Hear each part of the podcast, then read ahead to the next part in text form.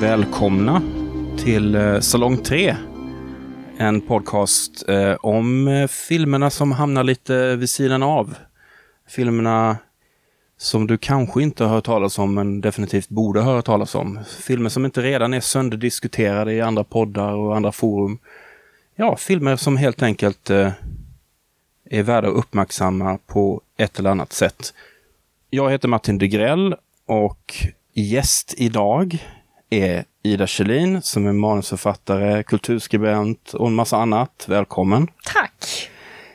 Och idag ska vi tala om en film som heter Night of the Comet. Eller Hotet från rymden, som den hette på svenska. Gjorde den? Ja, 1984 är den från. Och jag, det är lite oklart om den någonsin gick upp i Sverige. Jag skulle inte tro det, men Hotet från rymden låter ju som en sån härlig VHS-titel på 80-talet, gör det inte det? Jo, jag, jag kollade upp och jag ville se hur filmaffischen såg ut, mm. eh, för att det är så roligt med taglines. En tagline är It was the last thing of, on earth they ever expected. Ja, vagt ja, kan man säga. Vagt, det kan ja. vara li lite vilken film som helst. Nu gillar jag den här eh, bättre. They came, they shopped, they saved the world. den, den, fast, den, den fångar lite mer liksom. Ja, det får man säga. Ja. Det är i alla fall en postapokalyptisk science fiction skräckkomedi med Catherine Mary Stewart, eh, Kelly Maroney och Robert Beltran. Och även en av mina favoriter, Mary Woronov, gör en lite mindre roll. Det är hon som är, en av, det är, hon som är den, den kvinnliga forskaren. Ah. Mm. Eh, känd från en massa Roger Corman-filmer från 70-talet. Eh, den är gjord av Tom Eberhardt. Alltså alla de här namnen är ju inte så super household names märker när jag läser upp dem. Det är så här, ja, ja, han och hon, ja, ja.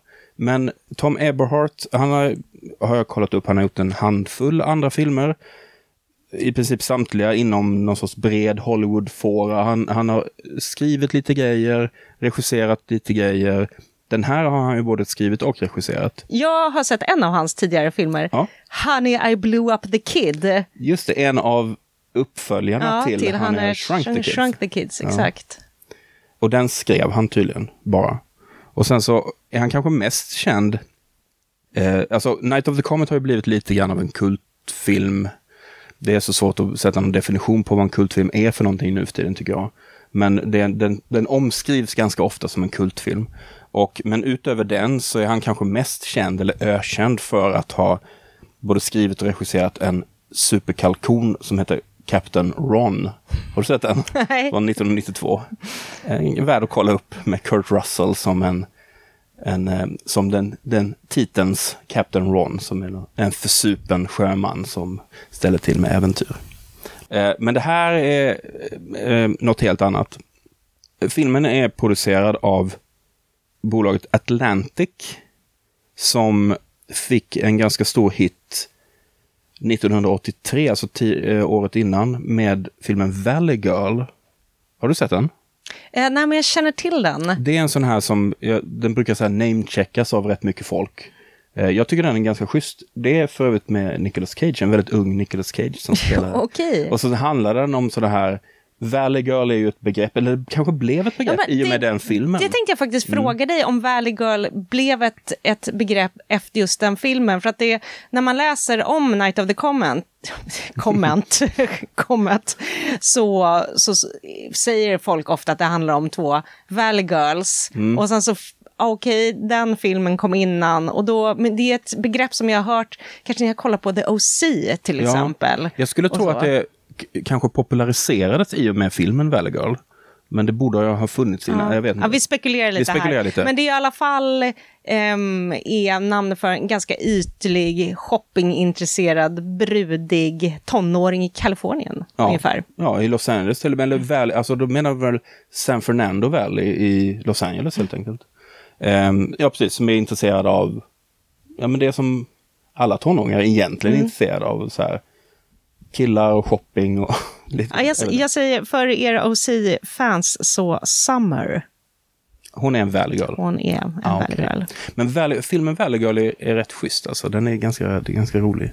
Men Atlantic ville gärna göra en, eh, liksom, någonting vid, bygga vidare på den här succén. Men så hade de också spanat in lite udda postapokalyptiska filmer som typ Repo Man, som ju också utspelar sig i någon så halvfuturistiskt Los Angeles.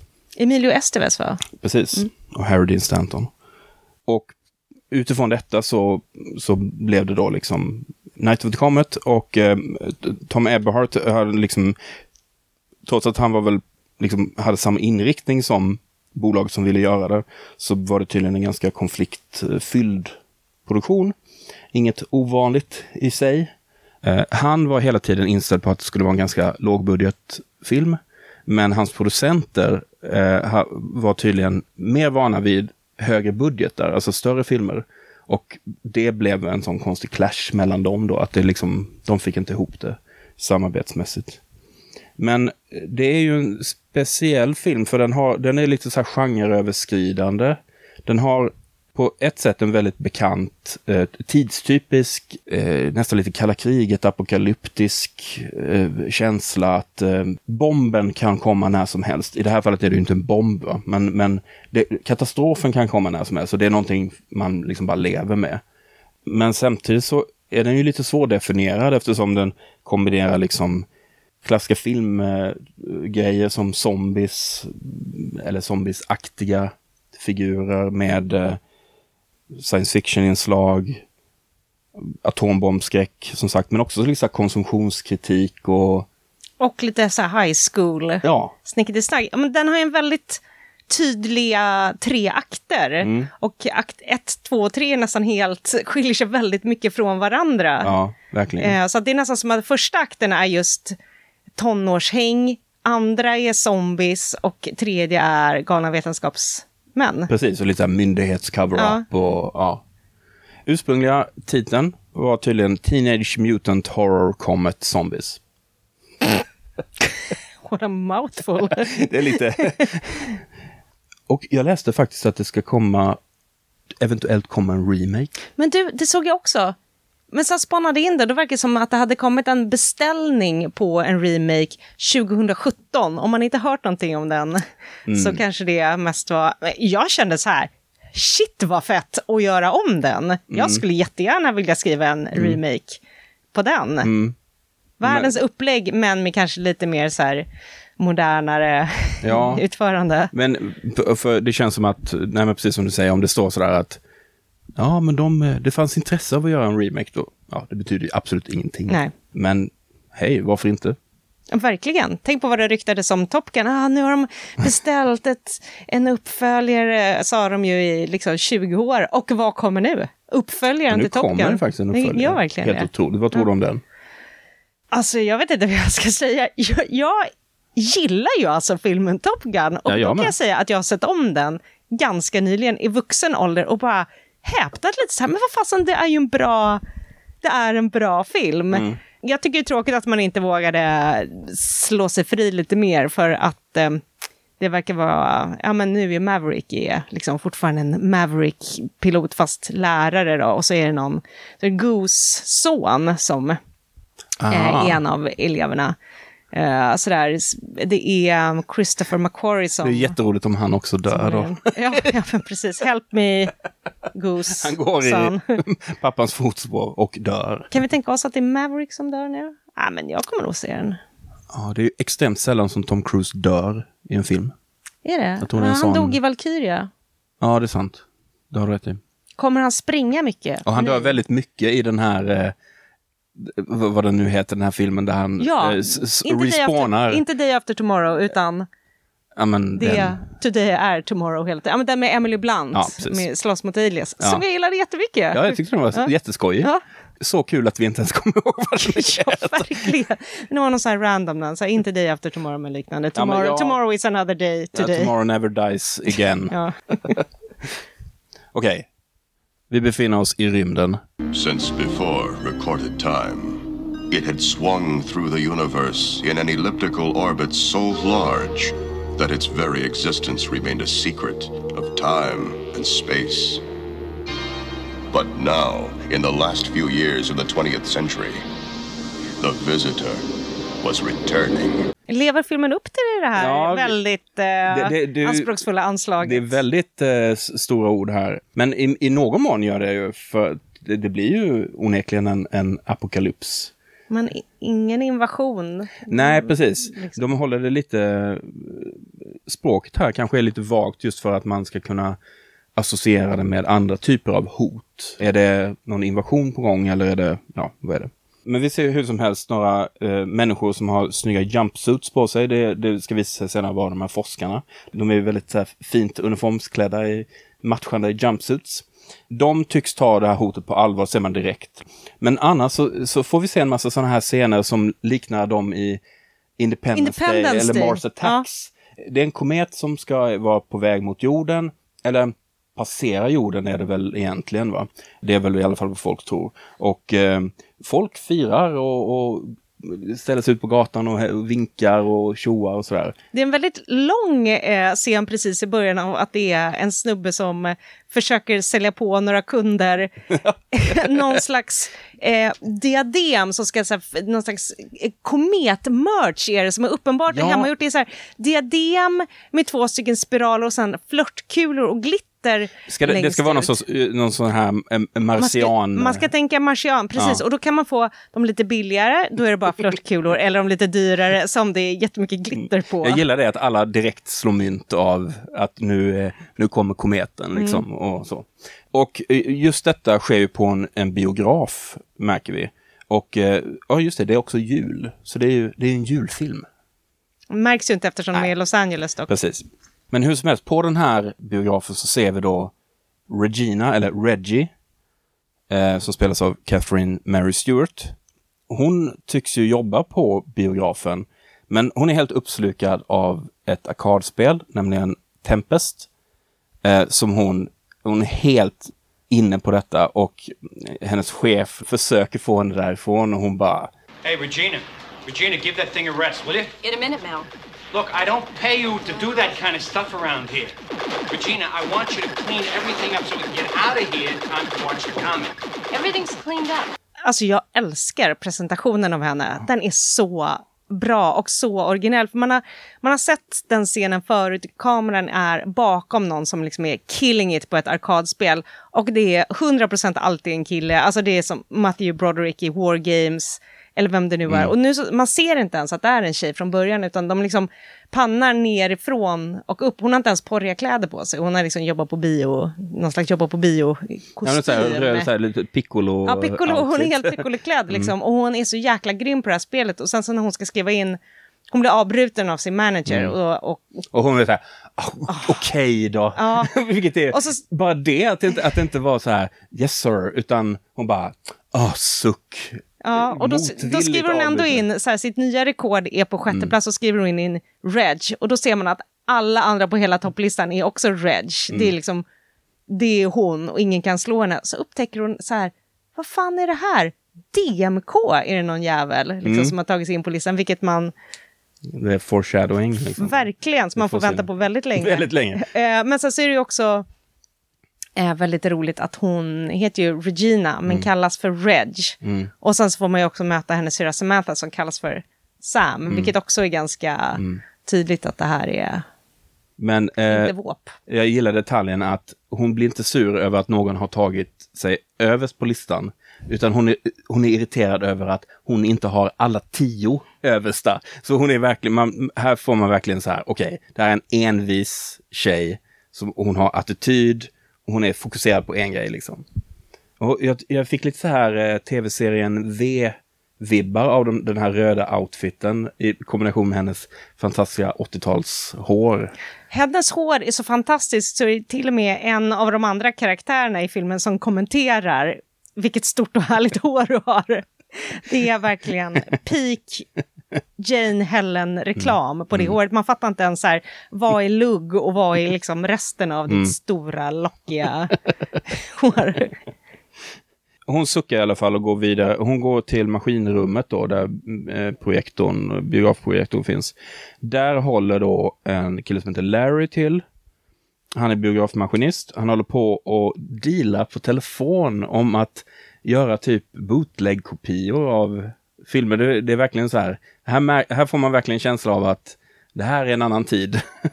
där, där eh, biografmaskinister eh, gör så här, eh, under bordet dealar med andra maskinister kanske om att göra någon eh, bootleg-kopia på någon science fiction-film eller något sånt där. Han förhandlar med någon på telefon och han vill att Reggie ska hjälpa honom att hålla liksom bakdörren öppen typ. Eh, När hans Connect kommer och ska hämta och lämna filmkopiorna. För Reggie har ju naturligtvis nycklar. Alla vill ju gå ut och titta på kometen när den passerar. Även hon, så det är väldigt motvilligt som hon gör det här. Precis. Här är det ju lite oklart så här. Har de ett förhållande eller inte? Nja, men de har nog lite sex sådär Ja, det har de. ibland. Och det är också ganska så här. Jag gillar det valet att det är, inte, det är liksom inte hennes kille. Utan han, är, han ger henne typ, vad får hon så här, 25 dollar eller någonting för att hänga där med honom under, under natten och hålla dörrarna öppna där. Hon säger något sånt här typ, eh, Are you kidding? We spend the night in here, we end up making it, and you give me 15 bucks? Do you know what that makes me look like? Ja, men hon, grejen är, hon säger det på ett sånt sätt som att hon verkligen inte tänker göra någonting med honom. Så här, du kommer ändå bara börja stöta på mig. Eller någonting i den stilen, som att de inte har någon... och Han är som värsta töntiga tantfilmkillen också. Så man tänker att så här, han kommer ju inte vara leading man i Nej. alla fall. Eh, Och det är ju sant. Men sen så blir man ändå lite förvånad, för sen så vaknar de liksom upp där eh, på golvet. Men, Men- en annan ja. foreshadowing-grej här bara, skulle jag, som kommer tillbaka några gånger under filmen, är ju filmaffischerna Mm, i just det. bakgrunden. För då står det ju faktiskt “They came from outer space”. Står det på Och senare får vi även se en, en eh, eh, Red Dust. Dust, exakt. Mm. Men nu hoppar vi till eh, vad som visar sig vara eh, Reggies syster Samantha, alias Sam, spelas av Kelly Maroney, som var 24 när hon spelade in den här filmen, men karaktären måste ju, den kan ju inte vara äldre än 16. Alltså det där är så 15, konstigt. 16. Det där är, hur gammal ska hon vara? Ja, hur gammal ska hon vara? är verkligen det man tänker, för hon är liksom jättebarnslig. För barnslig för att se så gammal ut som hon gör. Hon, Mm. hon är liksom väldigt så här infantil, men sen kommer hon också vara ganska, alltså lite så här sexobjekt. Liksom. Ja, men hon är ju också så här kåt liksom. Hon är, hon, hon är ju efter killar och... Men ändå, hon känns som hon ska vara 13-14, fast i en väldigt gammal... Jag, jag Jag tror hon, jag tror hon är, hon är väl i alla fall high school va? ja, Hon är cheerleader. men någonstans. ser för gammal ut för att vara allt det här. Ja, men hon är ju tuff i alla fall. Det- Hon är i alla fall hemma i deras hem och eh, hon har en fantastisk outfit Ja. med gula tights och röda benvärmare. Och sen en gul tröja och någon röd aerobic dress body grej. Ja, hon har en fantastisk cheerleader-uniform Ja. sen också. Ja, just Verkligen. det, som kom med den här eh, Ja, rosa, Rosa och blå. blått. Mm. Hon käkar i alla fall popcorn, kollar på tv, verkar vara ganska uttråkad och sur. Och så ringer, ringer Reggie och man, då fattar man att de är syrror. Eh, Reggie är stora syster då. Och eh, de är sura, bägge två, på deras styvmamma Doris. Eh, som är en riktig bitch. Ja, hon är verkligen en bitch. Reggie ber i alla fall Sam att eh, så här, ja, men ljug, du får ljuga lite här nu för att eh, jag, jag kommer att stanna i biografen över natten. Eh, så du måste, liksom, du måste ljuga för Doris. Och Doris är ju vidrig. Hatar sina styvbarn uppenbarligen. Pappan verkar ju vara, han är ju militär så han är, han är borta på något. Ja men det är också en sån 80-talsgrej. Han är med armén i typ Latinamerika och typ så här, utbildar kanske någon milis så här, under Reagan-eran. Ja, det är väldigt vagt. Väldigt vagt. Men det är mycket exposition som kommer på ganska eh, kort tid Ja. om deras eh, familjeförhållanden. För han har ju liksom, han har dragit, man förstår att han har varit borta länge. Mm. Man fattar också att styvmamman har tröstat sig eh, med typ grann... Grannen man, Chuck. grannen Chuck, och hon skäms inte direkt för det här eller försöker Nej. dölja det heller. Utan Hon det är är så bara här, nästan helt öppen Ja, med men hon det. är så här, föraktar sina styvbarn så mycket. Hon, liksom, hon låtsas inte ens med Nej. att hon gillar dem. Och så säger Sam så här. You were born with an asshole, Doris. You don't need Chuck. Och så får hon värsta örfilen av Doris. Och hon ger en örfil tillbaka. Varpå Doris nitar Ja, henne liksom. Knytnäven. Det var, blev jag rätt så här häpen över. Så här, wow! Det är så otroligt grovt. Det är, Sam flyger liksom Ja. iväg och får, alltså det börjar typ blöda. Ja. hon säger någonting om att så, här, tänderna lossnar något sånt Ja. där efteråt. Ja, det är otroligt grovt. Doris, inte stepmom den här, eh, den här, i den scenen då när, de, när hon får örfilen, första örfilen av Doris, det var tydligen på riktigt. Mhm. För att, eh, eller hon hade sagt till skådisen som spelar Doris, gör det på riktigt för att jag tycker inte jag får fram en bra reaktion. Hade, hade Sam själv sagt Okej, då. det var inte Det regissören. var inte regissören, ja, det hade ju varit... Nej. Men, men eh, Doris har ju anordnat värsta festen nu då. Mm. Det är kometfest liksom. Det är också så här Independence Day-känsla. Verkligen. Så alla är, alla är utomhus, de super, de väntar på kometen. Och så naturligtvis snackas det om Haleys komet, vilket är inte så konstigt eftersom den här filmen är från 1984. 1986, då passerade ju Haleys komet eh, jorden. Mhm. Den gör ju det var, vad är det, 74 år tror jag. Okej. Eller 76 år. Kom du ihåg när den gjorde det? Var det en stor grej för dig när du var liten? Nej, det kommer jag inte ihåg. Däremot kommer jag ihåg Hale Bop väldigt väl. Mm. Eh, som var eh, 95, 96. Ja, jag tror att jag minns det uppståndelsen kring Haleys komet. Just för att det var så... Senast dessförinnan var det ju 1910. Så det då var sjätt, 76 år som den går runt. Så. Det är någonting väldigt coolt med kometer, just Mm. med svansen och att de kommer tillbaka och allt det där. Men i alla fall så kom det är liksom, någonting händer på himlen. Man ser en massa blixtdunder och ljussken och grejer. Vi ser inte riktigt vad det är som händer, men vi ser folks eh, ansikten och gapande munnar. De ser något spektakel. Prosit. Tack.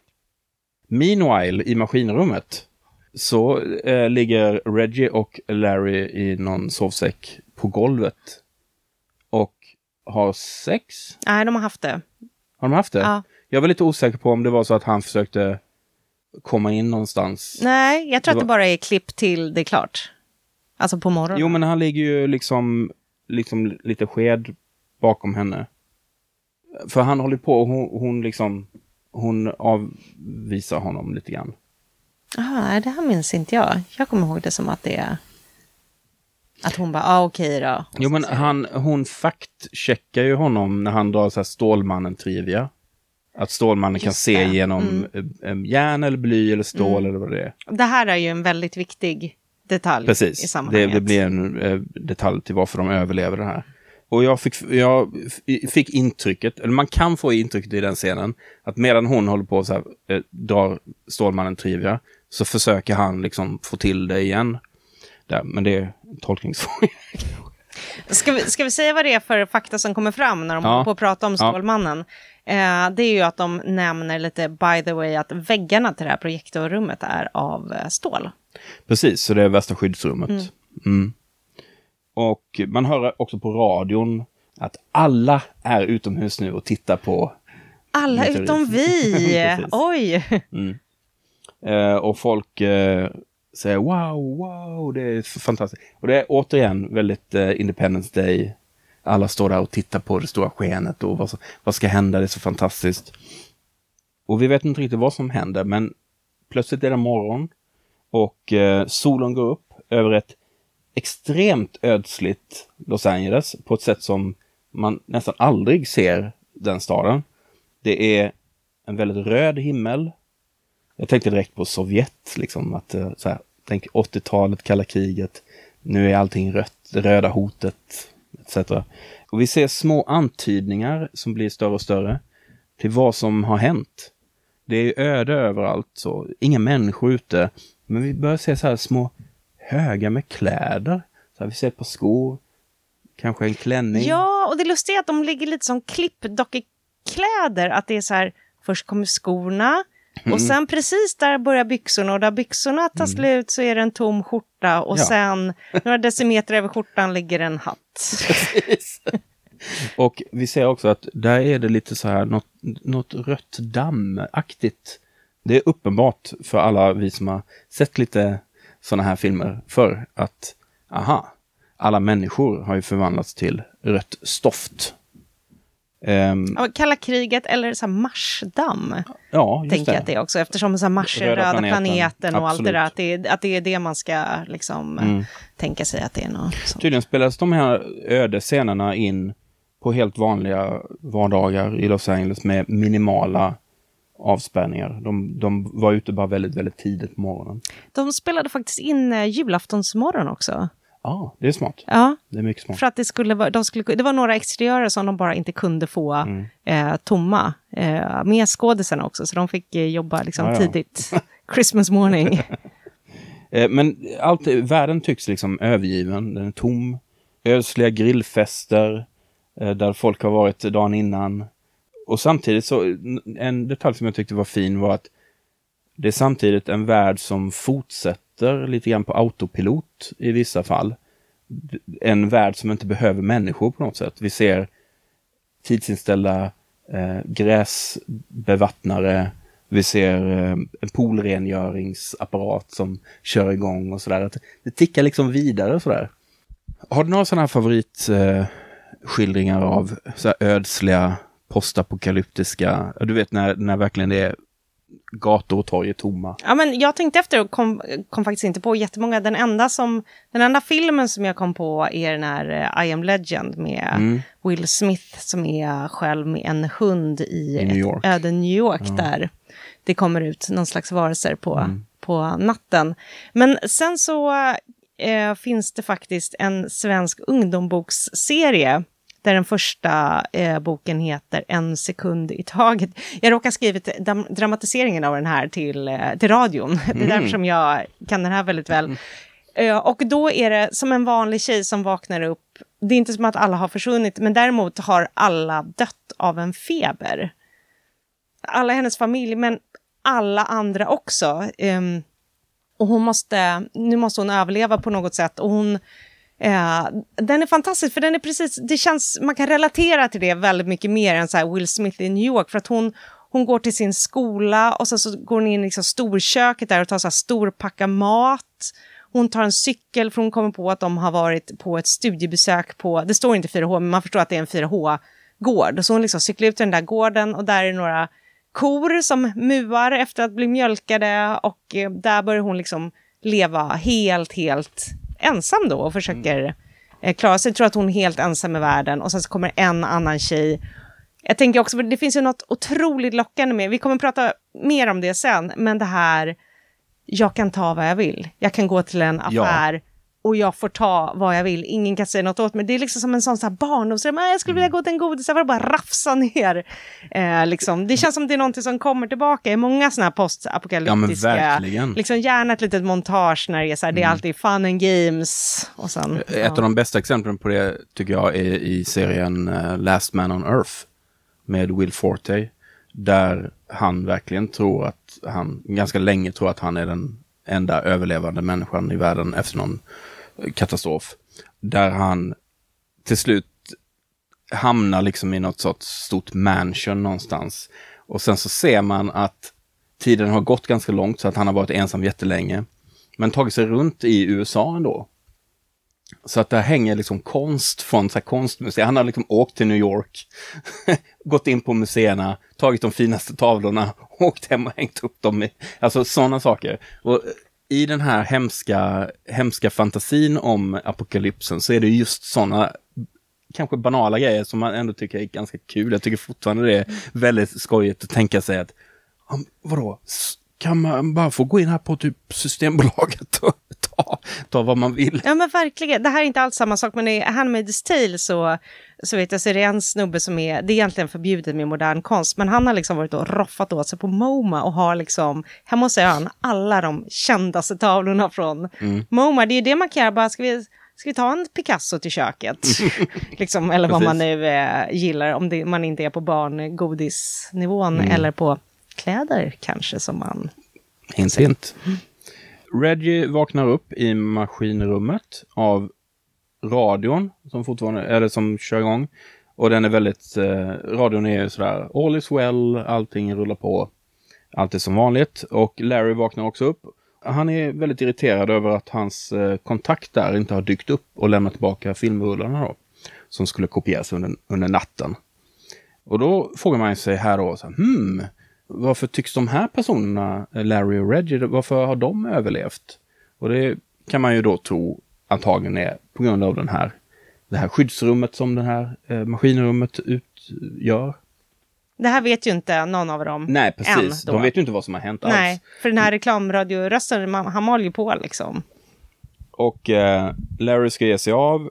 Han säger till henne att hon ska, eller han ber henne att hon ska ringa till hans Connect då och säga att han är på väg eller något sånt där. Och då kommer den här fantastiska replikskiftet som jag tycker det finns en hel del, framförallt om man tänker att eh, vad har de för typ av relation egentligen? När han säger, You could do me a favor. Did you favor last night? för mig, för mig säger det någonting. Men ja, Larry lämnar lokalen, men Smash! Så får han typ en eh, skiftnyckel i huvudet. Dödad av en zombie-liknande figur. Ja, zombieliknande är väl det närmaste vi kommer till de här eh, varelserna. För att det finns ingen eh, rim och reson eller konsekvens. De ser lite halvruttna ut, ögonen ser knäppa ut. Men det är inte liksom det här långsamma hjärndöda.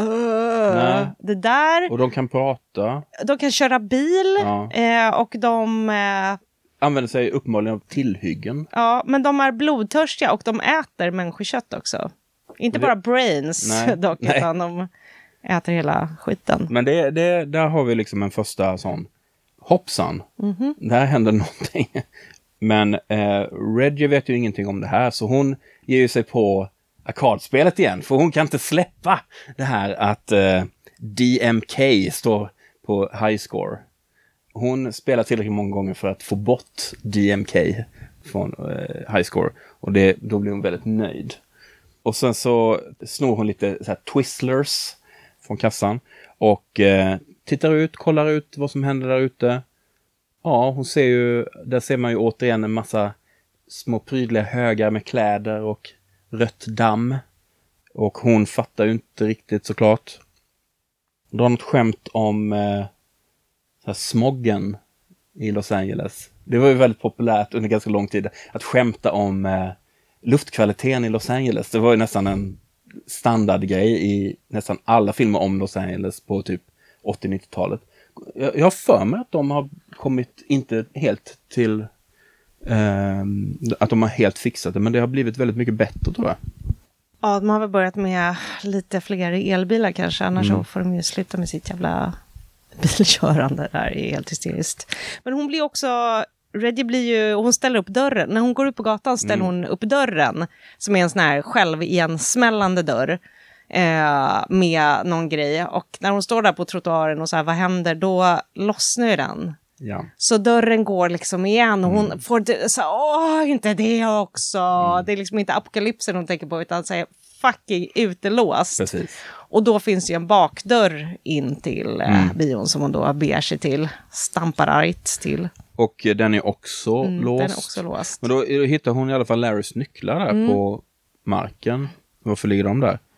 Surprise, surprise. Då hoppar den här zombien. Jag, jag kommer att säga Mm. zombien bara för att vi, vi ska veta vad det är. Då hoppar den här zombien fram och har ett köttstycke i handen. Är det Larry då? Det är Larry. What is this, trick or treat? Come here! What? Come here! Come here, your ass. Ja, men det är helt fantastiskt. Det är liksom inte minsta uns av att skrika eller vela hur hon ska göra någonting, utan det här är någon som har lärt sig att slåss, helt uppenbart, Ja. av pappan eh, då, som är militär, som har tränat Ja. henne för att hon eh, spör honom. Ja, precis. Hon försöker ju få bort honom Direkt, först. Så här, liksom. typ, äh, men bla, hon försöker så här, snacka bort honom. När inte det går så bara, okej då, så spör hon upp honom. Ja. Liksom. Han är envis, liksom. han kommer tillbaka Ja, hur mycket hon än precis. spöar och då står ju Larrys motorcykel Ja. där. Så då så här får vi en sån här liten fumla med nycklarna-scen Ja. som man måste ha. Eh, Men hon hoppar på bågen och bara drar iväg.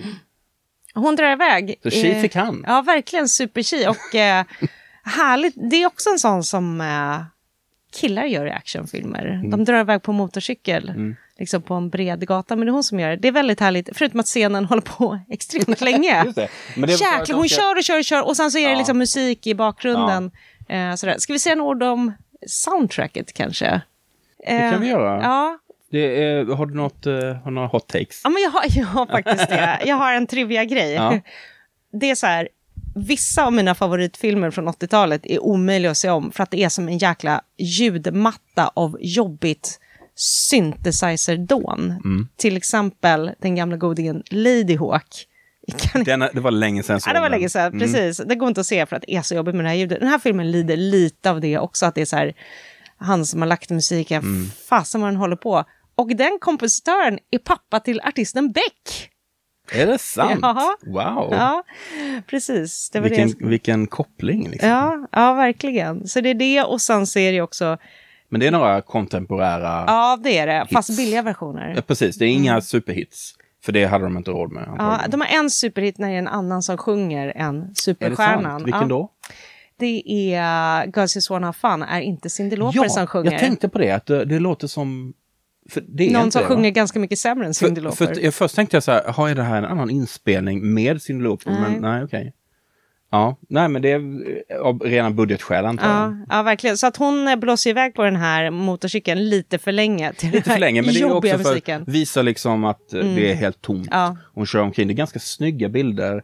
Och just det här röda liksom skenet, eller man ska Mm. säga, tonen över hela filmen som ligger nu. Och jag gillar det här när hon kommer fram till den här bilen som står och spelar, det är en Mercedes som står på tomgång och spelar sig julmusik och den är helt tom. Och hon bara så här, hmm, okej, och så kör hon vidare liksom. Men visst, den håller på rätt så länge. Men nu börjar hon ju fatta att någonting är liksom helt koko. Men hon åker ju hem i alla fall. För det är ju liksom självklart att det är dit hon ska. Och hon går försiktigt in i, i deras hus, ropar efter Sam, får inget svar. Men sen så stöter hon faktiskt på Sam på övervåningen. Och hon lever, hon är ingen zombie. Och då tänker man, jaha, oj, hon har också överlevt, det var ju kul. Men hur då? Um, nu har hon då ännu en fantastisk outfit, den som vi nämnde tidigare. Så cheerleader outfit. Hon är väl på hon, hon säger något att hon är på väg till träningen och sånt där. Hon ska med sin squad. Ja, men hon, förklaringen, kom- man tänker ju så här, det måste ju vara någonting med stålväggar eller något Mm. sånt. Och sen så säger hon att hon var så sur på sin styvmor så hon ville inte ens sova hemma utan hon sov i trädgårdsskjulet. Ja, precis. Med Och där, som också verkar ha tak av liksom. Metall i alla första fall. trädgårdsskjulet jag har hört talas om som även funkar som typ skyddsrum. Hon har i alla fall den här outfiten på sig med en ljusblå stickad tröja typ med rosa stjärnor och så står det Rebels på bröstet. Mm. Vilket också är coolt, tufft. Och, och någon sorts eh, eh, rosa-blå kjol. Ja, den är plisserad liksom. Ja. Den är väck i rosa och blått. Skitsnygg outfit verkligen. Och sen Ja. sitt krulliga blonda Ja. pentade hår. Och det är väldigt kul här för att här är ju Reggie väldigt allvarlig och hon säger något allvarligt, någonting hemskt har hänt. Och Sam är ju väldigt ty- typisk så här tonåring, jag orkar inte lyssna, vad pratar om? Hon bör, Reggie börjar säga något och hon har redan glömt bort. Så att Sam tappar redan tråden efter bara några ord. Ja. Så här, hon lyssnar inte alls. Och det här som så här, skådespelarens ålder igen är så här, hon beter sig som hon är mycket yngre än vad Mm. hon ser ut som, som ställer till det. Ja. Men sen så upptäcker ju Sam då att deras hund är borta. Vad heter hunden? Vad är det hunden heter? Buffy. Ja! Gud, hur kunde jag glömma det när jag typ skrek rakt ut när, när de ropade på hunden i serien. Ja, hon hittar ju ett koppel ju liksom. Buffy, Ja. Och så, så här, Buffy. Har du koll på det om Joss Whedon har, eh, har han liksom eh, nämnt Night of the Comet någonstans i, i Buffy-sammanhang? Nej, inte vad jag kan komma ihåg. Men däremot så verkar det vara någon slags konsensus att han måste ha blivit inspirerad. Eh, och det kan man ju se på Mm, många olika sätt. mm. Verkligen. Tycker det var kul med Buffy-hunden liksom. Ja, Buffy är ju cheerleader också innan hon blir Vampire Slayer. Ja, det. Så att hon, eh, hon har ju verkligen cheerleader direkt på sig. Så det är liksom som någon så här liten typ prequel-scen i Buffy. Hur är den här filmen? Ja. Buffy-filmen, den, den som kom först? Ja, hon är, hon är nog cheerleader där Ja. faktiskt. Eh, är hon. Den såg jag faktiskt om ganska nyligen. Är den något att... Jaha? Jag vet inte riktigt. Där är ju så, hennes motspelare är ju den eh, väldigt sorgligt hädangångna Luke Perry. Mm. han är så jäkla gullig i den. Och det är superbra kemi mellan huvudrolls Buffy och han. Men filmen är kanske mer om man är Buffy-fan att eh, kul att se. För man känner redan där så här, det här är en så otroligt bra idé. Men sen är filmen kanske inte Mm, okej. superbra. Men Reggie visar ju Sam då, okej, detta har hänt liksom. Kolla på allt damm, kolla alla försvunna människor. Och sen säger hon en replik som jag tycker är ganska... Hennes röst bryts verkligen när hon säger Where are the kids? It's Saturday morning. Where are the goddamn kids? Då sjunker det in hos Sam. Att, eh, det, jag tycker det är en jävligt fin replik det där. Så här, vad är alla barn? Det är liksom här, det är lördag morgon. Alla borde vara ute och leka liksom. Vad är alla liksom? Men de ringer ju runt lite. Det var ju på tiden alla hade liksom fasta telefoner hemma så de ringer runt. Ingen svarar. Och då har de plötsligt radion. Radio-DJn verkar ju vara i livet och där verkar det vara business as usual. Vad göra? Ja, de tar eh, liksom bilen och drar till eh, radiostationen och kliver in på en, en helt otrolig, Alltså en så... otrolig miljö. Ja, det är liksom inte som det ser ut i verkligheten eh, liksom på eh, lokalradiostationer, utan det är så mycket neon och eh, alltså det är lite som en disco Ja, där inne. Som, Mer ja, disco än liksom en radiostation. ett makalöst 80-tals Ja. interiörverk. Med typ bilder på saxofoner i neonrör. Ja, precis. Otroligt mycket neon. Och väldigt dunkel belysning, väldigt så här mörkt. Inte Mm. Sen- alls den typen av man skulle tänka sig att typ så här ser det inte ut. Liksom. Nej, men det är så svarta väggar och så svarta obekväma möbler.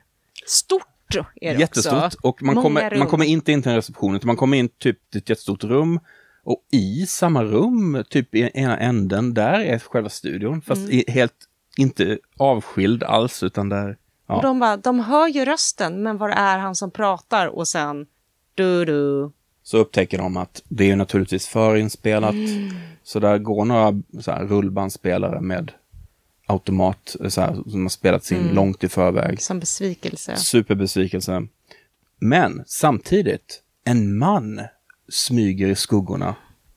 Det, det märker ju inte de. Friend or foe? Precis. Vad händer det här? Plötsligt så, så hoppar den här mannen fram.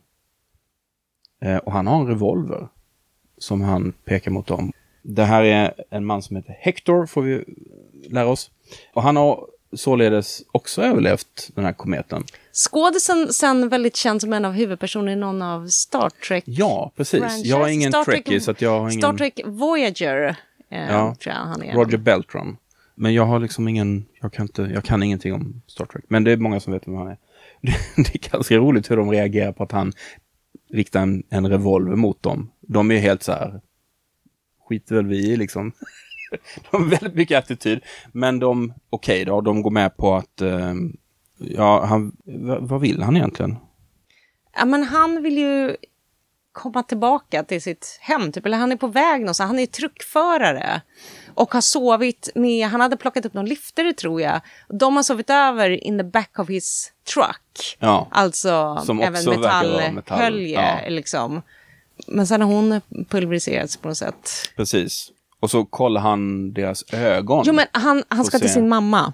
Ja, som, Så är det. som Bor bor typ i San Diego eller något sånt där. Han vill ju försäkra sig om att de inte är typ zombies. Och så förklarar han också att han har haft en fight med, eller han har mött zombies. Och eh, då fattar ju Reggie då att Larry antagligen är zombie-död. Och uppäten. Och uppäten. Sam säger till Hector. Do you get a lot of dates this way? Väldigt attityd. Ja, men det är väldigt att man, för, man förstår ju att hon har kanske lite komplicerat förhållande till sin stora syster Mm. Som för henne, hon liksom nämner flera gånger så här, du har så många killar hela Ja, tiden. Hon vill ju ha en kille Ja, liksom. det är liksom som en viktig grej att så här, stora syrran har väl alltid varit den som, ja men så här, ja men hon har ju blivit vuxen och fått, ja hon, hon pikar liksom med henne, men man förstår att hon är svartsjuk, kanske på det sättet att hon själv vill bli vuxen Eh, att hon beundrar Reggie egentligen och vill vara som henne, men de har inte ett helt jämställt liksom, syskonförhållande på det sättet. För det kommer, hon blir nästan svartsjuk, liksom. hon så undrar mycket över den här Hector. Och man som filmtittare tänker man så här, men här har vi nog leading man ändå. Mm. Och eh, Sam ser också, väldigt- det tycker jag också är roligt, hon ser väldigt besviken ut när han berättar att han är lastbilschaufför och inte jobbar på radiostationen. det är bara en sån liten detalj som jag tycker är väldigt rolig. Ja, men de ska väl vara liksom sådana rika tjejer som Ja, de tycker så att det är så här, mm. "Ih, arbetarkille, ja, precis. truckdriver. Men de, de försöker liksom göra någon sorts bedömning av, av eh, situationen här. Reggie är ju rätt så pessimistisk över, över läget, men Reggie lägger ju också en liten sån här halvrasistisk kommentar. Noterar du det? Hon säger någonting om att... Eh, jo, hon säger... Hon, på hans eh, revolver så säger hon att så här, ja, den här pistolen kanske funkar på en date night in the barrio. Ja, Så det här är så här anti-mex. Eh, det är också lite så här vita eh, privilegierade tjejer kanske. Alltså så. Mm. Samtidigt är det ju, det nyanserar ju karaktärerna på något sätt också. Ja. ja, men han är ju latino Mm. också. Hector, liksom, han ser ju mexikansk eh, ut. Så att man kan ju också säga att efter apokalypsen så får vi alla, Ja, kommer vi alla samman. precis. Rika, snobbiga valley girls och truck driving mexicans. Eh, Reggie vill i alla fall att de tar sig till Los Alamitos, för där vet hon att det finns ett militärförråd med typ massa tunga vapen. för det har väl deras pappa pratat om då. Men samtidigt som de håller på att diskutera detta så tar Sam över eh, i radiostudion och börjar leka DJ, vilket också är väldigt skojigt. Hon håller på och spexar bara, I can take your call now och så, för det finns ju ingen där som kan ringa, Nej, tänker hon. Precis. Men då ringer plötsligt någon. Det är, knappen börjar liksom blinka rött där. Ja, och eh, vi får aldrig riktigt se det samtalet. Det avslutas väldigt abrupt, men hon, hon hinner uppfatta att den på andra sidan befinner sig i öknen och tillhör någon form av forskningsgrupp eller någonting. Lite oklart. Och då, när, vi, när de står där och diskuterar detta i studion så är ju alla mickarna på. Så då går ju ut i eten och då ser vi att det här forskningsteamet då i, på den här basen, vad det nu är, ute i öknen. De lyssnar ju på detta, de, de, för där finns det ju ett gäng som har överlevt då. Jumpsuit. Med jumpsuit-gänget helt enkelt. Eh, de är i någon sorts bunker kanske och så. Och där har vi då bland annat min eh, gamla favorit då, Mary Woronov. Och en massa dudes då. Och de är lite konfysa över hur, hur de här människorna har överlevt, hur Sam och Reggie och så vidare har överlevt. Och det blir lite diskussion sådär, vad ska vi göra av det här? Liksom, ska vi hämta dem?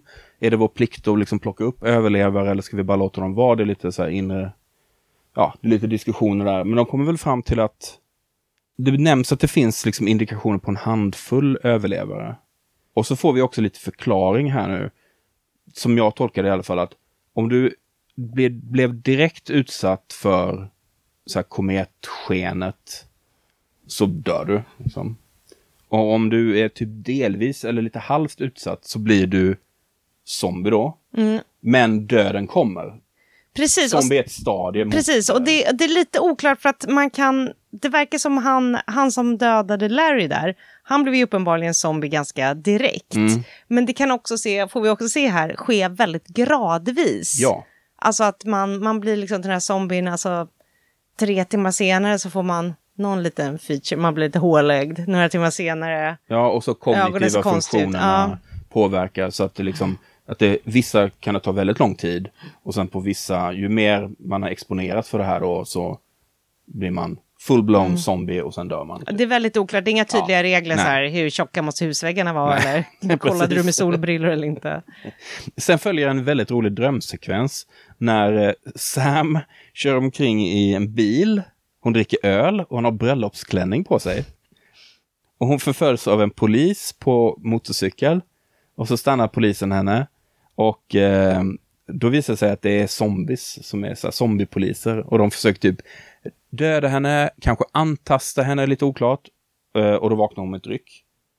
Och då så är hon på radiostationen, går till badrummet. Och då kommer samma zombiepolis och attackerar henne igen Men- med stilett. Men här vill jag också säga att här, man tänker så här, men vad då? ska vi inte få se något naket i den här filmen?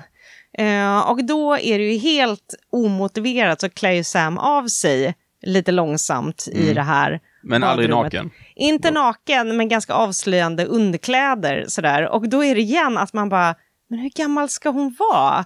Det är nästan så att jag tror att det är så här, har skådisarna fått lite olika avtal? Så Ja. hon som spelar Reggie har liksom en sån liksom klausul att så här, du behöver inte klä av dig, men den andra fick inte det, för att det är ändå så här, ja, men snygg tjej, det är 80-tal, Ja. liksom. det är klart att det är liksom lite, åtminstone lite bh-action. Precis, men jag är ändå förvånad att de inte går ännu längre. För att en sån här film på det här tiden den gjordes och med den lite låg budget. Full boppe ute. Precis, om man ska locka något med något så är det ju liksom våld och lite boppar. Liksom. Men då kommer i alla fall den här zombiepolisen att attackera henne igen. Beväpnad med stilett. Det var också en fin 80-talsdetalj. Och så säger polisen så här. This is from your stepmom, punk. Ja. Och då vaknar hon igen. Det var nämligen en dubbeldröm. Ja, det var en dubbeldröm. Gud, det är så dåligt. Det är så dåligt. Men Hector har bestämt sig för att han ska åka till San Diego och kolla hur det är med hans mamma. Och Reggie är så här, ja men du vet ju att hon är död. Men eh, han vill ändå vara helt säker. Så. Det blir en ganska, känns lite onödig så här, utvikning av, av handlingen här. Alltså den här, hans tripp till San Diego ger ju egentligen ingenting. Det är mest för att han Det är för ska... att tjejerna ska vara ensamma Precis. igen. Det är mest för att han ska bort så att de kan, Mm. ja, precis. Och så får vi reda på lite grann, Reggie berättar lite om sin pappa då, att han är så här badass och gröna basker och troligtvis en asshole. Baserat på vad man vet om den typen av militärer. Mm. Men han har verkligen lärt upp sina döttrar. Verkligen. Så, han, så Hector sticker. Då är kommer en sån här härlig sekvens som är väldigt vanlig i actionfilmer, framförallt från en viss tidsperiod, nämligen nu ska vi öva oss eh, med att skjuta så här, vapen. Vi, vi, vi rustar oss för strid. Syrrorna över pang-pang på en stackars bil som blir fullständigt sönderskjuten. De använder sig naturligtvis av Mac 10 som jämte Uzis var superpopulära så här, kulsprutepistoler på 80-talet. Det skulle alla actionfilmer till typ Schwarzenegger och Stallone skulle ha liksom en Ja, Uzi. man kan ju säga att 10. filmen borde vara NRA approved för att det är så här, det är både väldigt bra vapen och det är väldigt bra att kunna Ja, skjuta dem redan verkligen. Men jag vill bara säga att så här, innan det, det, det är ju här någonstans också när Hector sticker som eh, Sam liksom är så här, blev det något eller stötte Ja, han på precis. dig? Det kommer här efter. Ja. De, de, hon anklagar ju Reggie för att liksom stjäla och typ ligga med alla snygga killar. Att hon så här, "Eh, det blir inga över till mig ungefär så. Så de, de grälar lite. Mm. Och sen nu finns det bara en kvar. Så här, vad säger du om han är bög eller om han har gonorré? Hon är liksom någon, så här, någon sån ut. Det är lite så här, eh, också eh, inte helt eh, rumsren så här. If he's a fag. Mm. Sånt. Ja. Verkligen. Och hon eh, pratar om det här drickandes en eh, Diet Pepsi Mm. med etiketten väl vänd mot kameran. Verkligen. Eh, Men sen slutar det ändå med att de garvar för att de, deras systerskap ska ju inte brytas upp över några löjliga killar. Precis. Vilket är fint. mm, det är fint. He- ja, så kommer den här en så här pytteliten utvikning då med Hector som då till San Diego. Det resulterar inte i någonting förutom att han upptäcker att ja, men huset är tomt och det är en, en liten zombiepojke som han undkommer. Eh, och sen bara drar han. Mm, vidrig. Ja, Vidrig zombiepojke. jätteäcklig. Men på den här, ute på den här anläggningen, forskningsanläggningen eller bunkern eller vad vi ska kalla det. Då märker man att eh, kometens effekter börjar även påverka dem. För man ser att eh, eh, så här minne och intelligens, kognitiva funktioner börjar påverkas. När folk sitter och skriver antecknar saker så ser man att det, de börjar tappa det, vissa av dem. Eh, Mary Voronov beordras i alla fall att hänga med den här lilla miniexpeditionen till Los Angeles för att, för att plocka upp eh, syrrorna då.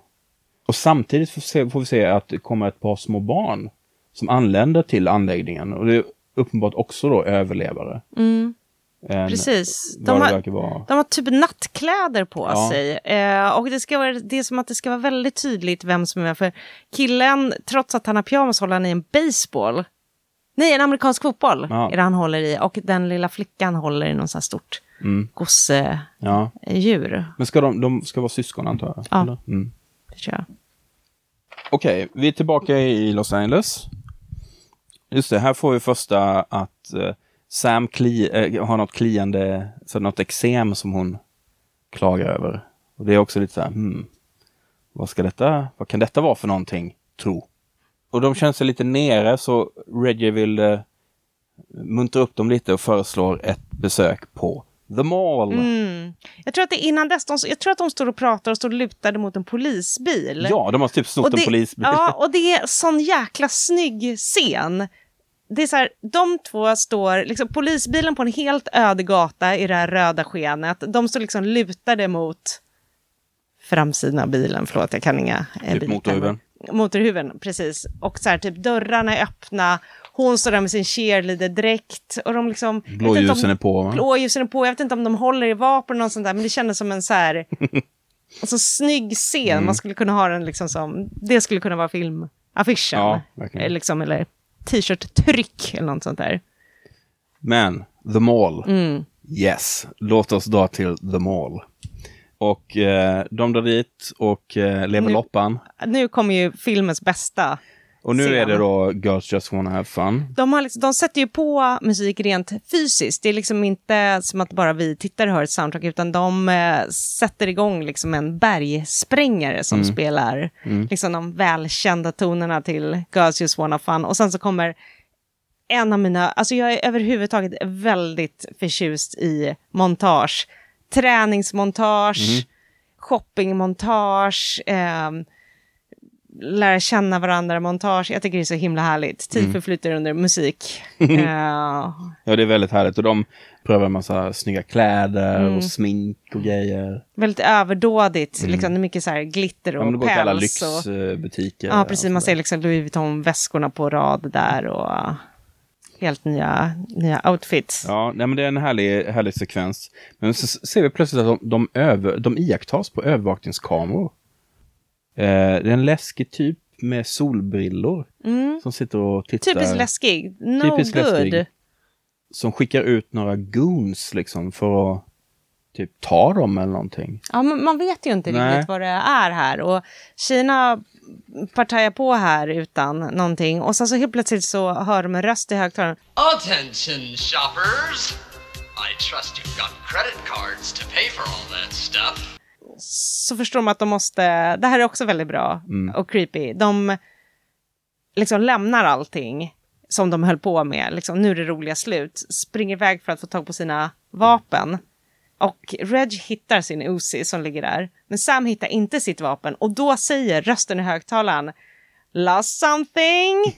så här, du kan hitta det på the lost and found-avdelningen. Liksom. Och då fattar de ju att det är, det är någon som kollar, det är någon som övervakar dem, liksom, kommenterar det de gör. Precis. Vet de verkligen är. Och det utbryter en eldstrid. Verkligen de här... Grov eldstrid. Ja, skjuter sönder en massa så display cases och grejer, butiker och mannekänger och eller sådana här, ja, vad säger man? Ja, mannekänger. Mm. Reggie är liksom, alltså hon är ett proffs med sin Uzi. Hon liksom laddar om, hon så här, ligger på marken och skjuter. Hon, så här, och eh, ja, men Sam gör liksom sitt bästa som hon kan. Hon så här, drar åt sig elden för att Reggie ska komma undan någonstans och är liksom, hej guys, alltså så, så, slänger saker på dem. Slänger skor på slänger dem. skor på dem. Och är liksom, det är fortfarande så här, det känns inte som att striden är riktigt på, på allvar, för de är fortfarande Ja, men precis. Det är, I alla fall Sam tar, är liksom där, det är en lek. väldigt lekfullt. Ja. Men överhuvudtaget, jag ska bara göra en kort utsvävning Mm. här. Att så här, eh, alltså scenen The Mall har ju all, varit väldigt eh, poppis liksom länge. Och det bara, bara är något med de scenerna. Och jag tror att den, eh, den kanske aldrig varit ute, men det känns som den har gjort sån comeback. Jag har två exempel här. Stranger Things 3, eh, som utspelar sig väldigt mycket i ett mål. Och nya Wonder Woman-filmen, när man ser i trailern att den utspelar sig mycket i ett eh, mål. Och båda två ska jobba sig, eh, utspela sig på 80-talet. Ja, ja. Ehm, så att det känns som... Ja, det var en populär Mm. arena att vara i The Mall i 80 och 90-talsfilmerna. Men nu är folk så nostalgiska så att när det är något som ska utspela sig på 80-talet, nog fan går man och filmar i ett lite omgjort mål. Mm. Eh, Den här eldstriden slutar med en eh, standoff. Sam tas som gisslan och det slutar med att de bägge två blir tillfångatagna. Jag måste säga en annan grej, att det är, det är han som är helt klart ledare. Mm. Och han är väldigt obehaglig. Willy. eh, Willy. Och det är så här, ja men de står liksom med vapnen riktade mot Sam. Och de, Reggie är så jävla, hon är så bra så hon får tag på en av de här goonsen då, ställer sig med vapnet mot hans huvud. Och den här äckliga ledaren säger så här, du kan faktiskt inte ta en av mina till gisslan. Och hon bara, ja men nu har jag gjort det och jag kommer skjuta honom så släpp min syster. Han bara, nej, jag menar, it's not acceptable. Och sen så skjuter han sin egen snubbe. Klassisk bad guy. Ja, så att Reggie inte har något att förhandla med längre. Älskar den typen av eh, ledare, eh, onda ledare som bara har ingenting eh, till övers för sina egna män. Och de är också lagerarbetare, så här, killarna på lagret. Ja, det tycker jag var en väldigt oväntad liten mini-twist. Den här eh, plötsliga eh, liksom klassdimensionen på det hela. För de här, Där också arbetarklassen var ond. okej då. Misslyckad klasskamp. Nej men eh, på något sätt att de, de har ju, en- han har ju ett lite minital där, Willy, där han säger att liksom, vi började liksom i lager till de här lyxbutikerna och titta på oss nu, nu äger vi istället liksom. Jag tyckte det var en intressant, bara som en sån mini-observation, det blir ju som någon sorts del av den här, vad ska vi säga, lite så konsumtionskritiken som ändå finns i filmen. Och någon sorts the American way-grejen, man tar sig upp på andras bekostnad på något sätt. Så. Det är också någonting konstigt med dem. Det är väldigt mörkt där inne. De har ändå solglasögon och liksom är redigt påklädda och så, vilket får sin förklaring sen. Mm, precis. För det visar sig att de, de är ju faktiskt zombies. De uppträder ju nästan som helt vanliga typer. Men de är ju zombies. Det, På väg i alla fall. De är liksom Exakt. i det här stadiet de har blivit väldigt hårlögda och vita i ansiktet. Ja, det ser man när de tar av sig solglasögonen. Precis, man märker ju, och det här får man ju då ytterligare bevis för att sjukdomen kan finnas liksom i olika faser då. Men de är ju ganska sadistiska i alla fall. Men lite oklart vad de vill i övrigt. Vad, vad, vad tror du? Vad, vad vill de egentligen? Är Alltså, liksom jag, jag kände mest att det var så här hotfullt att de kommer typ våldta och döda dem. Ja, Alltså så pass grovt. Men sen så gör de en riktig så här serietidnings... Eh, grej. De kedjar fast systrarna rygg mot rygg med så här riktiga så här tjocka, tjocka järnkedjor som är ganska lösa varv. Alltså precis som de gör liksom. det är lite såhär Batman, Ser- eh, ja. 60-tals Batman. Ja, ja men precis. Eh, och där sitter de liksom och kan ingenting göra.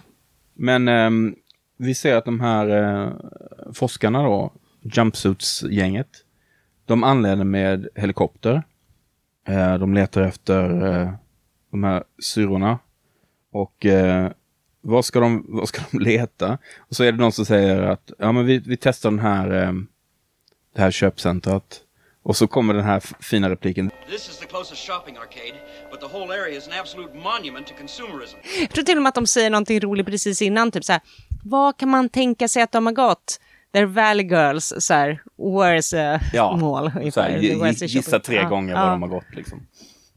Kortfattat kan man säga att ja, de hittar dem och eh, mejar ner de här. I sista sekunden Ja. är det också, för att det är liksom, det är precis på väg att gå åt helvete. Mm. När, väl i säkerhet så spekulerar de lite om vad de ska göra nu och de tror att Sam kan vara drabbad på grund av hennes eksem. Hon skyller ifrån sig och säger att hon får det när hon blir stressad. Precis, precis. Och sen Vilket så... eventuellt är sant till och med. Ja. För att det där är ju ett spår som inte leder någon vart. Nej, inte direkt. Hon är ju inte i något av zombiestadierna. Nej. Alltså, de, nu delar de ju på dem. Så att Reggie får åka iväg i helikoptern till den här forskningsanläggningen. Medan Sam är kvar. Är förklaringen till att hon ska vara kvar för att hon ska invänta Hector då när han kommer tillbaka? Det måste vara det va?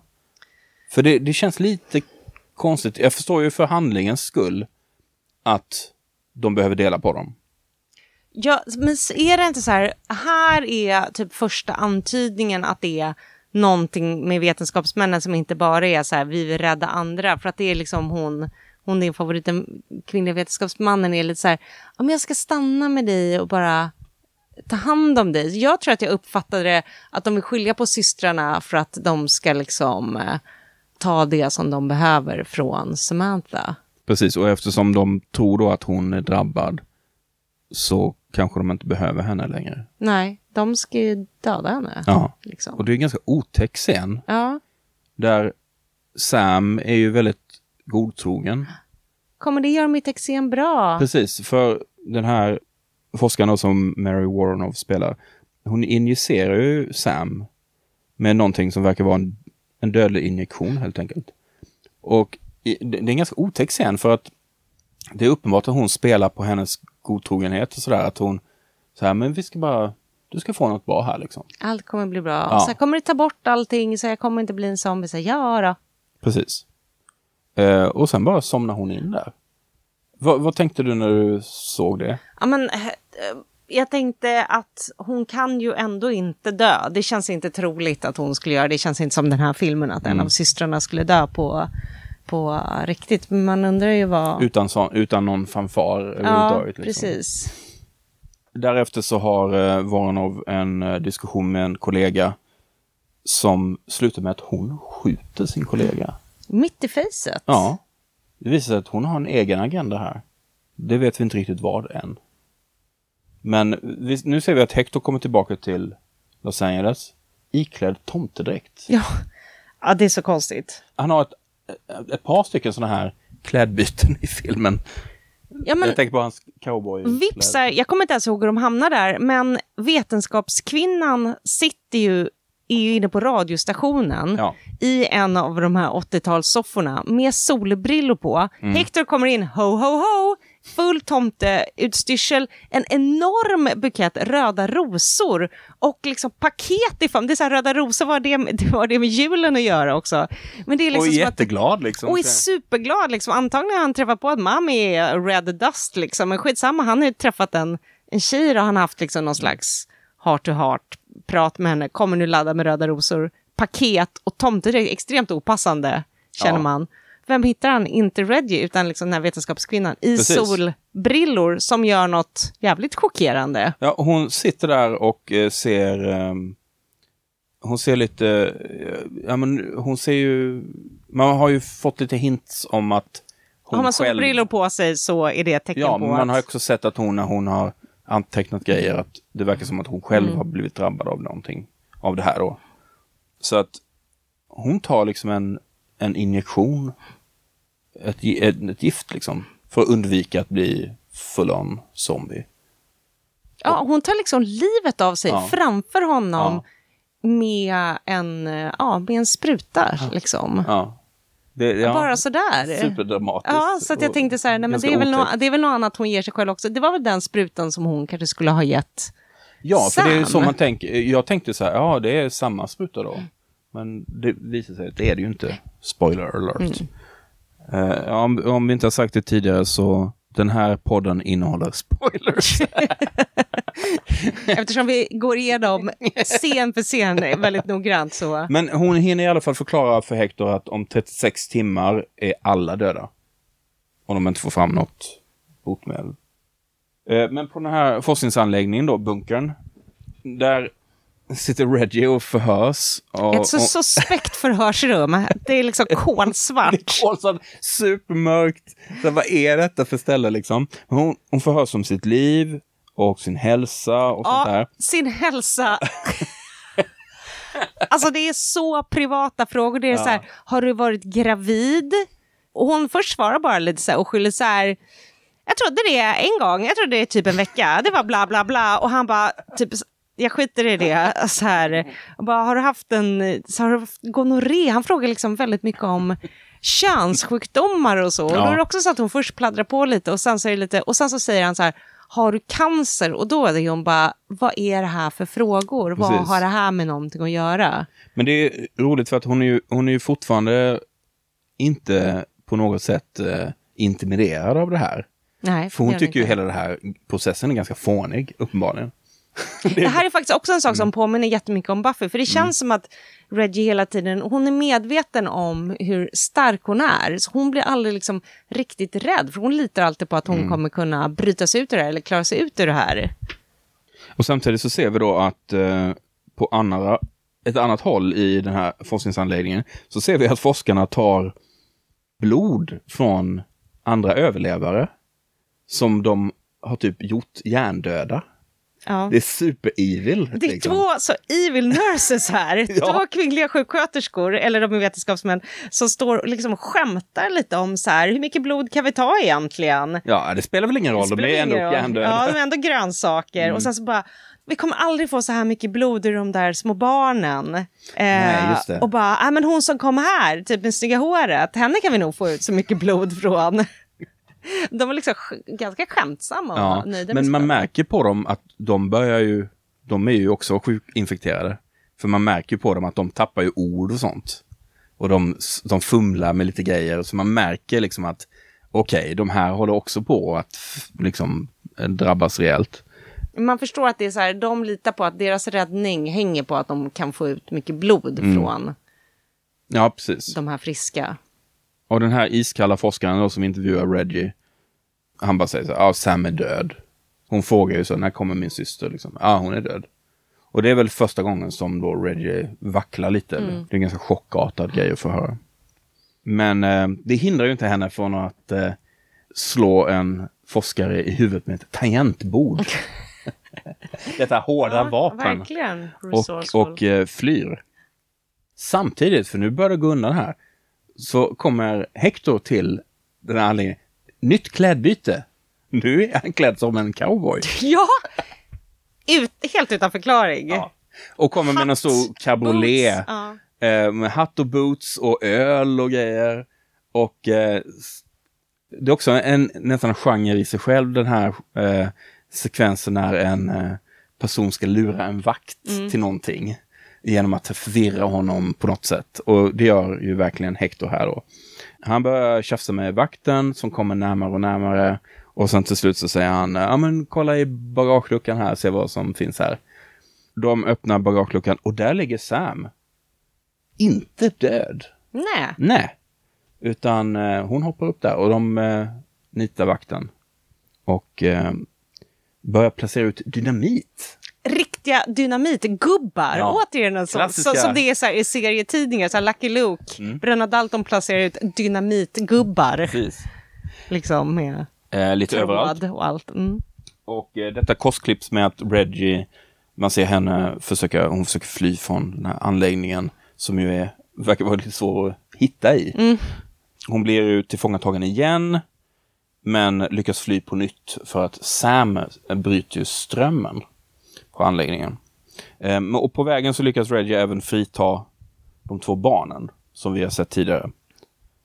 Och eh, det, det är återigen de här evil nurses, när de, de anstränger sig knappt när de ska försöka förklara för de här barnen hur ofarligt det är de ska, bara, ja ja, ni bara lägger här nu så- alltså de försöker, jaha men är det, Det är väl inte en spruta vi ska få? Nej, Nej, inte en eller- spruta direkt. Fast då, det är så nålar som ska in i armarna på dem. Så de, de är verkligen så här, de, de, och inte, de bryr sig knappt längre liksom. Och ja, kortfattat, dynamiten spränger lite olika grejer och de lyckas ta sig därifrån. Eh, och eh, resten av forskarna får man ju anta kanske dör då. Men man hinner i alla fall se att någon av forskarna kommer in i Evil Nurses-rummet. Där ligger, där ligger, då ligger inte barnen där längre liksom, kopplade till slangar, utan det är de här två systrarna som ligger där och asgarvar för de har liksom lustgasmasker där de ligger liksom fastkedjade. Garvar sig in i zombieskap Som, och död. som man ju gör med lustgas. Ja, verkligen. Klysch, klyschan. Ja. Har du någonsin haft lustgas? Nej. Inte jag heller. Skulle jag testa det dock. Men vad jag har förstått så är det ju liksom den här mediala bilden av lustgas. Det är ju inte alls så som det Mm. Funkar man tydligen. kan säga att det är fruktansvärt dåligt för klimatet. Det är liksom så här många, många, många gånger värre än metan och lust, lustgas. Så att det ska man inte använda Håll bort, håll er borta, you heard it here Mm. first. Det slutar lyckligt. Eh, våra hjältar befinner sig åter i Los Angeles. Det är ju fortfarande helt öde, men de är där. Och nu är det Nu så här. kommer en så knasig scen. Nu är det värsta kärnfamiljsdynamiken. Eh, för Hector och Reggie är ett par och de har typ adopterat de här barnen. Ja, alltså, och, och redan be, be, börjar bete sig som så här föräldrar mot dem och så här, mm, ställ dig här nu och gör det, ja, men det vi verkligen, kort. vi och, går liksom från spränger de här onda forskarnas eh, bunker, de lyckas rädda sig i sista sekunden, klipp till, barnen är liksom upp, har på sig fin, otroligt fula finkläder, liksom så här kavajer och slipsar och finkläder och så här. Och Reggie har liksom förlorat sin coolness och håller på så här, ah! så här rättar till, så här, och så håller hon på att ta en massa polaroidbilder. Och sen så, fatt, så ser man att hon är också uppklädd, Hector är uppklädd och det är så här, hon satsar stenhårt på, ja, men liksom så här, Ja, men var någon sorts fru liksom. Ja, nu hon... Hon och, och, och en rolig detalj att de, de slänger alla sina vapen i papperskorgen. ja. Mm. Det är verkligen på något sätt så här, nu ska vi börja med fresh Ja. start. Jag eh, ska inte hålla på med mina så här, eh, ligga runt med killar jag inte bryr, bryr mig om och så här spöa, Precis. spöa zombies, utan nu är det så här, läcka Men familj. samtidigt så, eh, man säger ju då att Sam, hon är ju lite deppig då. Hon säger, Mm. Ensam. "Ma- maybe I could be a nun or something. Mm. Hon. Hon står liksom på andra sidan av en enormt tom aveny. Mm. Och sen så ska liksom den här nya kärnfamiljen gå över och Reggie säger nej, nej, nej, vänta på granngubbe. Och Sam bara, Sam bara, kom what the fuck, alla är döda, det finns liksom ingen. Så här, nej nu väntar vi, och vad hör man då? Rrrr, ett motorljud. Så Sam går över gatan och blir nästan överkörd Ja. av en cool sportbil. Precis, och en snygg kille som bara, akta dig när du går över gatan. Och det är då en slyngel som genast raggar upp Sam. Ja, och hon är inte Och hon bara- nödbedd. Yes please. Ja. Och han har också en väldigt så... Eh, känns som att han har en väldigt eh, så här Los Angeles dude-dialekt. Hej, how's it going? Ingen verkar överraskad Nej. över det här. Och så ser det också så här, han bara, vill du åka med på en tur i en av mina 26 bilar? Ja, För att han kan ju ta alla bilar som finns. Här, absolut, och hon bara hoppar direkt in i bilen och drar iväg. Hoppar in, drar iväg och nu tänker man, nu kommer det väl ändå. Och mycket riktigt, registreringsskylten DMK. That's the dude. Mm, that's the dude. Den enda andra killen i världen då, kanske. Ser man om... Jag missade faktiskt det, men ser man att Reggie ser det? Nej, det gör hon inte. Nej. Är väldigt tråkigt. Utan hon bara ropar typ eh, eh, var hemma innan midnatt Ja. eller något sånt där. Ver- Verkligen blivit som morsan. Ja, och sen slut.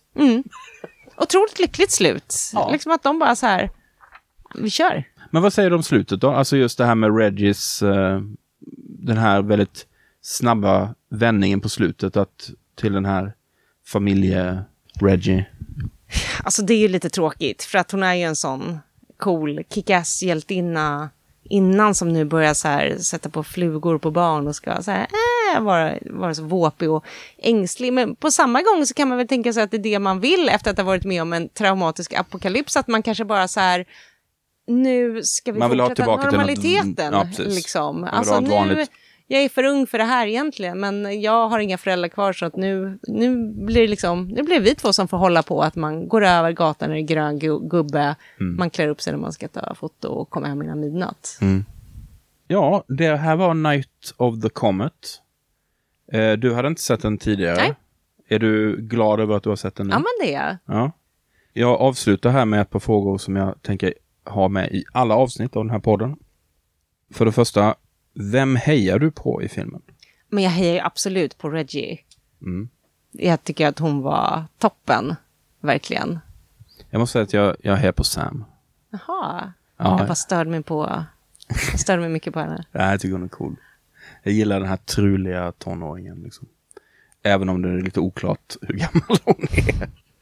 Vem skulle du vilja rekommendera den här filmen till? Ja, men alla Buffy-fans. Mm. Absolut, jag är ju ett extremt stort Buffy-fan själv. Och det, alltså den är ju ganska corny den här filmen och lite som man vill så här snabbspola ibland. Men eh, liksom om, om vi nu köper att så här, ja men fasen det är hon, det, det här är ju en förebild och det känns konstigt att det inte skulle vara det, så är det ju otroligt kul att se verkligen. Alltså allt från liksom att hon är så här snygg, våpig och gillar att shoppa, men samtidigt är grym på att slåss och kan hantera vapen. Eh, även om det inte är hon som har cheerleader-uniformen så har hennes syrra det. Hunden heter Buffy. Det finns kopplingar. Ja, liksom. det måste finnas det. Det kan inte vara en slump. Jag skulle vilja rekommendera den här till alla som på något sätt tror att hela 80-talet bara bestod av manliga actionstjärnor Mm. som bara kunde, det var bara de som kunde kick ass. Till 90 procent är det ju sant. Men att det kan, känns ganska nice att det finns ändå några undantag som ändå eh, känns uppfriskande att se. En remake, Ja, faktiskt. faktiskt. Jag brukar vara ganska anti-remakes rent generellt. Men eh, det skulle ju naturligtvis få uppmärksamhet i originalfilmen också. Ja. ja, men jag tänker just att det är så här, den enda apokalypsfilmen jag kom på när när någon är ensam i världen är liksom den I am legend med Will Smith. Det måste ju finnas plats i filmrepertoaren för en till, speciellt med två så härliga hjältinnor. Absolut. Okej, så innan vi slutar, har du någonting du vill göra reklam för? Det här avsnittet vet jag inte alls. när- Vi spelar in det här i januari, men jag misstänker att det inte kommer komma ut förrän i till våren någon gång. Eh, nej. Eh, om du inte känner mig redan så har jag ingenting att rekommendera. Förutom så här, ja, eh, om man vill se vad jag har skrivit manus till så kan man ju googla mitt namn med jämna mellanrum för att det är lite premiärer här och där. Filmer och tv-serier och radioserier som jag har skrivit. Tack så hemskt mycket för att du ville vara med i Salong 3. Tack, det var väldigt roligt. Och vi säger eh, hej då! Hej då!